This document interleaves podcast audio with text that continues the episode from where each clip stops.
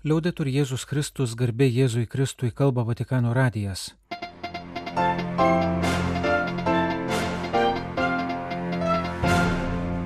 Malonus klausytojai šioje programoje. TZ bendruomenė miniai kurėjo mirties metinės rengėsi ekumeniniams susitikimams. Arkivyskupas Muradas, buvęs Aisės įkaitas, prisimena naujuosius kankinius. Šventasis Hiecintas, abiejų tautų Respublikos globėjas.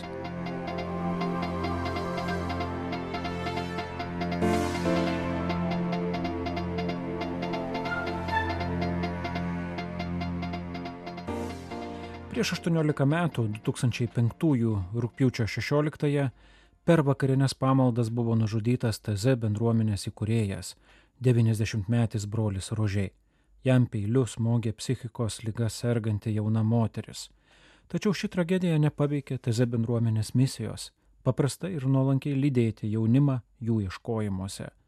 Ateinančiais mėnesiais bendruomenė vadovaus dviem dideliems susitikimams ekumeniniam būdėjimui Šventojo Petro aikštėje ir naujametiniam susitikimui Liublianoje. TZ bendruomenė įkūręs brolis Rožė Šucas gimė 1915 gegužės 12 Šveicarijoje. Jo tėvas buvo reformatų bažnyčios pastorius. 1937-1940 Rožė studijavo teologiją Lozanoje Prasidėjus karui apsigyveno TZ kaime, į kurį atvyko dviračiu šalia kitados garsaus benediktinų centro kliūny. Karo metais pas jį slapstėsi persekiojami žmonės. Karo pabaigoje ir pokario metais aplink brolį Rožė susibūrė grupė žmonių, kurie 1949-aisiais davė įžadus gyventi kaip vienuoliai. Šitaip gimė TZ bendruomenė. Pirmieji jos nariai buvo kilę iš protestantiškos aplinkos, kaip ir pats brolis Rožė, bet greit prie jų prisijungė ir katalikai. Tad nuo pat savo ištoko bendruomenė yra komeninė ne vien savo narių kilme, bet ir dvasingumu bei liturgija. Šventasis Jonas Paulius II, TZ bendruomenės ir brolio Rožė, su kuriuo pasimatydavo bent kartą per metus bičiulis, 1986-aisiais, lankydamas juos Prancūzijoje, pasakė, proteze žmogus praeina kaip pro tyro vandens šaltinį, sustoja, numalšina troškulį ir atsigaivinęs keliauja toliau. Nuo pat pradžio teze tapo svarbiu jaunimo traukos centru. Kasmet, ypač vasarą, teze aplanko tūkstančiai ieškančio ir keliaujančio jaunimo. Nuo 1978 rengiami naujometiniai europiniai susitikimai, iš kurių ilgainiui išsivystė ir kitokie bendravimo bei maldos susibūrimai. Šiandien jau organizuojami ne tik Europoje, bet ir Afrikoje, Azijoje, Šiaurės ir Pietų Amerikos žemynuose. Taiza bendruomenė tai vadina pasitikėjimo piligrimystė. Smurtinga uolaus krikščionių vienybės apaštalo ir jaunimo bičiulio brolio Rožė mirtis nuliūdino daugelį. Dieną po jo mirties, rūpiučio 17-ąją, popiežius Benediktas XVI vadovavo trečiadienio bendrai audiencijai, o dar kitą dieną, ketvirtadienį jau rengėsi išvykti į Vokietiją, į Kelnę, tuo metu vykusias pasaulinės jaunimo dienas. Šį rytą gavau labai liūdną ir baisę žinę, kad vakar vakare per mišparus brangus brolis Rožė Šucas, TZ bendruomenės įkūrėjas buvo nužudytas, ko gero psichiškai nestabilios moters. Ši labai liūdna žinia man ypatingai skaudi, nes kaip tik vakar gavau nuo jo labai draugišką ir jaudinantį laišką, kuriame rašo, kad jis iš visos širdies vienijasi su manimi ir su visais jau nukeliavusiais į Kelną. Dėl blogos sveikatos pats asmeniškai jis negalės atvykti į Kelną, bet dvasia bus su ten dalyvausiančiais savo broliais. Laiško pabaigoje jis taip pat rašo, kad labai trokšta kuo greičiau atvykti į Romą, susitikti su manimi ir pasakyti, jog TZ bendruomenė trokšta žygiuoti bendrystėje su popiežiumi. Ir savo ranką užrašė. Šventasis tėvė užtikrino savo gilę bendrystę. Brolis Rožė iš TZ, pasakojo Benediktas XVI. Ir pridūrė, Šią liūdėsio valandą prašome viešpaties gerumo šio ištikimo tarno sielai, žinodami, kad iš liūdėsio gimsta džiaugsmas. Jis yra amžinojo gėrio ir amžinosios meilės prieglupstėje, jau pasiekęs amžiną džiaugsmą. Jis mus moko būti ištikimais viešpatės vienogyno darbininkais, visada įsitikinusiais, jog net ir liūdėsio valandomis viešpats mus lydi ir dovanoja savo į džiaugsmą. Ir iš tiesų, nepaisant tragiško aplinkybių, brolio rožė mirtis nepaliko kartelio ar nuoskaudų. Jis gyvenimą užbaigė savo bendruomenės bažnyčioje tarp besimeldžiančio jaunimo, o bendruomenė jau buvo subrendusi ir pasirengusi tęsti savo misiją lydėti jaunulius pasitikėjimo piligrimystėje mažose ir dideliuose susitikimuose. Taip pat iš Vokietijos kilęs brolis Aluis, katalikas, buvo pirmasis TZ bendruomenės teigėjo ir pirmojo prioro brolio Rožė įpėdinis. Jo paties paskirtas porą metų anksčiau.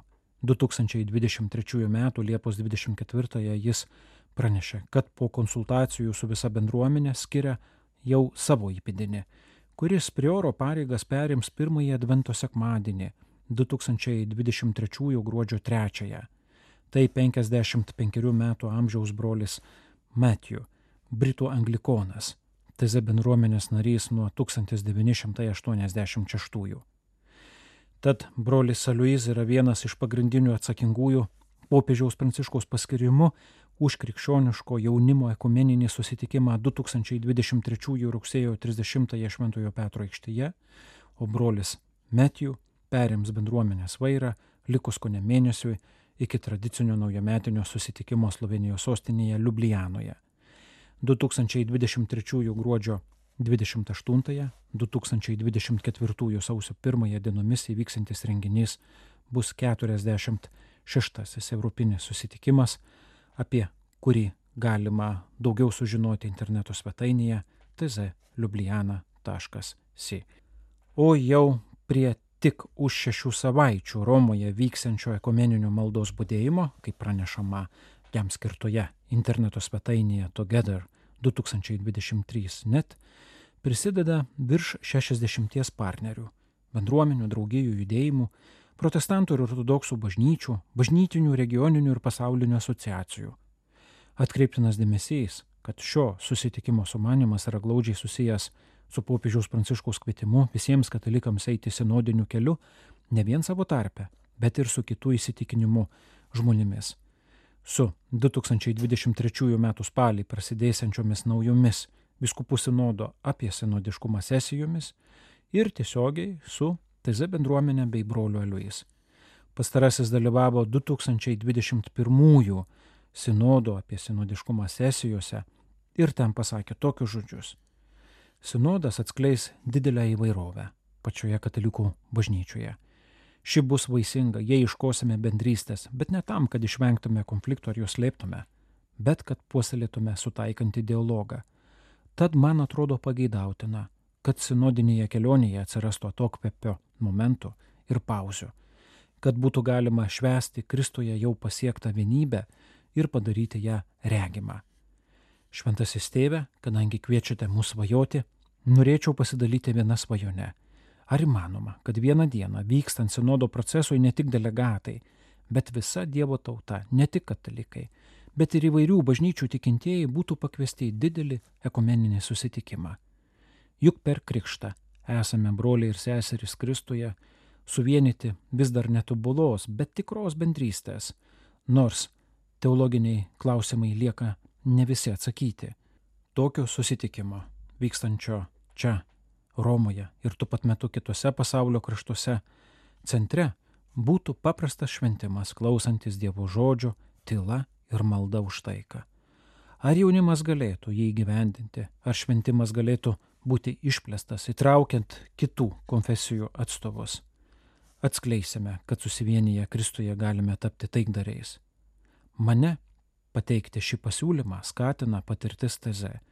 Priklausydami skirtingoms krikščioniškoms konfesijoms, savo bendruomenėje gyvename po vienu stogu.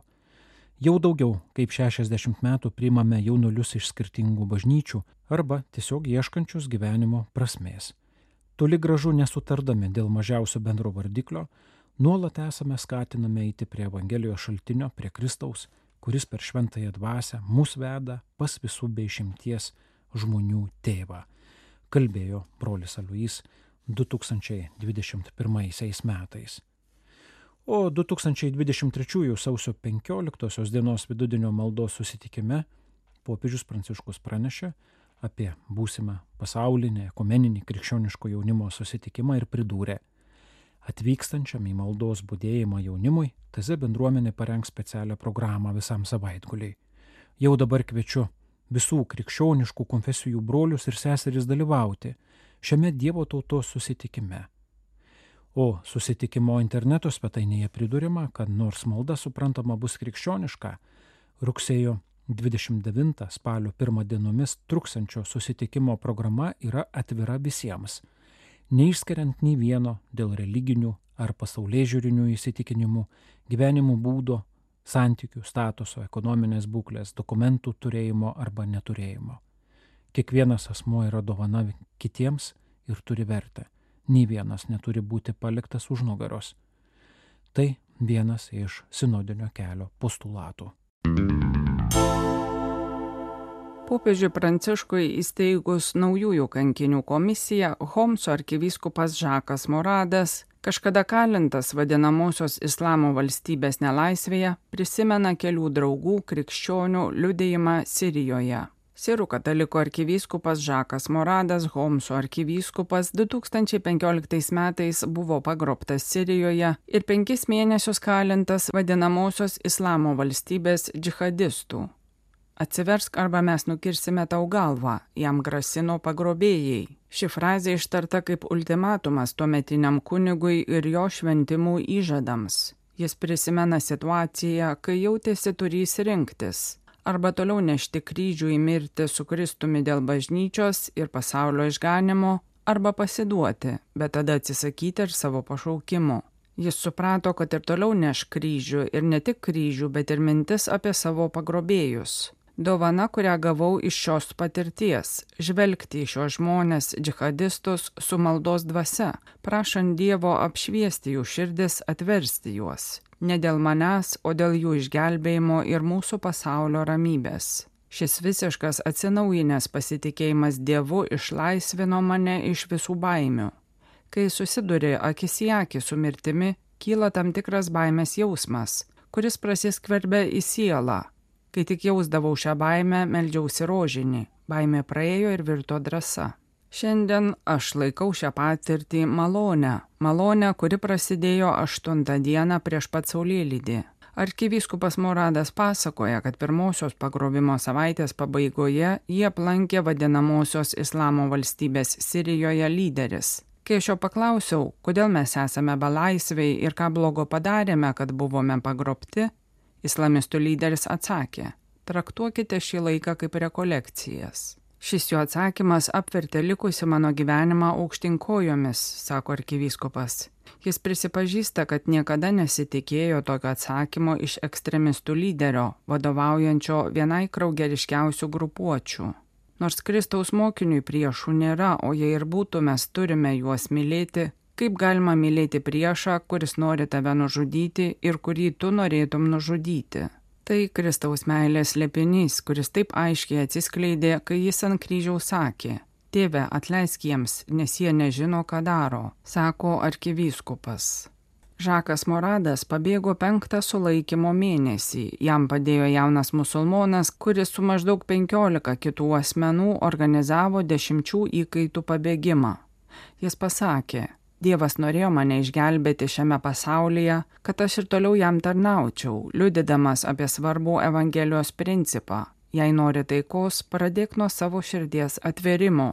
Prieš metus iki jo pagrobimo, taip pat Homse, Olandų jėzuitas Francas van der Luktas buvo nužudytas savo vienuolyno sode. Arkivyskupas Moradas pasakoja, kad kunigas Francas jam ir visiems sirams buvo ištikimybės viešpačių Jėzui Kristui pavyzdys. Jis skyrė savo gyvenimą Sirijai ir jos žmonėms. Jo pavyzdys Kristaus pavyzdys, kuris atneša žinę apie tėvo meilę visiems, kad tikrasis išganimas gali ateiti tik per meilę ir savęs dovanojimą. Kitas jėzuitas kunigas Paulo Dalalio dingęs be žinios 2013 metais. Jo dingimo dešimtųjų metinių proga Romoje buvo aukojamos mišios. Juose dalyvavo ir arkivyskupas Žakas Muradas. Jis ir kunigas Dalolio kartu praleido beveik 30 savo gyvenimo metų. Pasiraitoję rankovės, abu dvasininkai kartu atkūrė Marmusą vienuolyną. Jie buvo pažįstami nuo 1986-ųjų. Kuniga Paulo pažinojau taip, kaip pažįstu save ir mylėjau jį taip, kaip myliu save. Man jis yra gyvas kankinys. Jis tikrai yra gyvas kankinys, nesvarbu ar jis miręs ar dar gyvas. Sako arkivyskupas pridurdamas, kad kankinys visada gyvena bažnyčios atmintyje, bažnyčios ir Dievo tautos širdyje. Žmonės iš visų kraštų vyko pas jį. Jei sudėtume pranešimus ir laiškus, gautus ar siūstus, iš jų būtų galima parengti enciklopediją. Jis visada buvo šalia visų atviras visiems, ir mažiausiems, ir didžiausiems, ir neišmanantiems, ir išmintingiems, ir tikintiems, ir kiekvienam žmogui.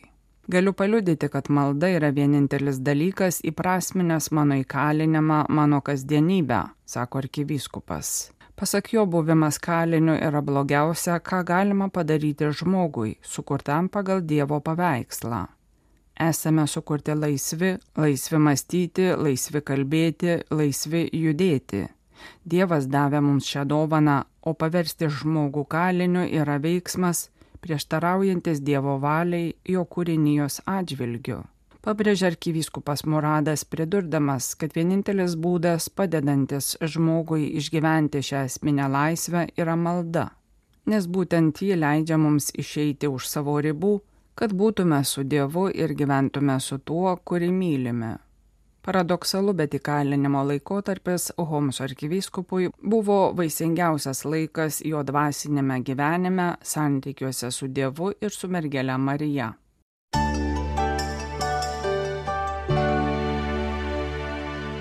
Rūpiučio 17-ąją bažnyčios liturginėme kalendoriuje minimas Šventasis Jacintas, vienas iš pirmųjų dominikonų iš dabartinės Lenkijos teritorijos, mandatą misijoms gavęs iš paties Šventojo Dominiko rankų.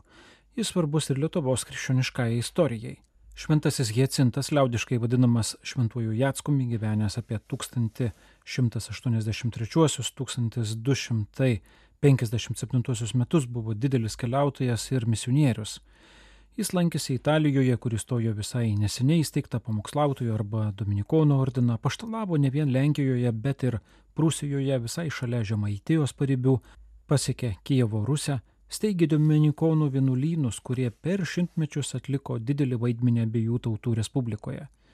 1594-aisiais Klemensas VIII, tas pats popiežius, kuris vėliau patvirtino Šventojo Kazimiero kultą, vadovavo Jacinto kanonizacijos iškelmėms Romos Šventojo Petro bazilikoje. 1686 Jacintas paskelbtas Lietuvos ir Lenkijos globėjo. Neatsitiktinai ir dabartinėje Lietuvoje galima aplankyti šventajam Jacintui dedikuotas bažnyčias arba altorius, pamatyti tapybos arba drožybos darbus. 2022-aisiais bažnytinio paveldo muziejus išleido rinkinį Šventasis Dominikas ir Šventasis Jacintas Lietuvoje aštuoni atminties šimtmečiai.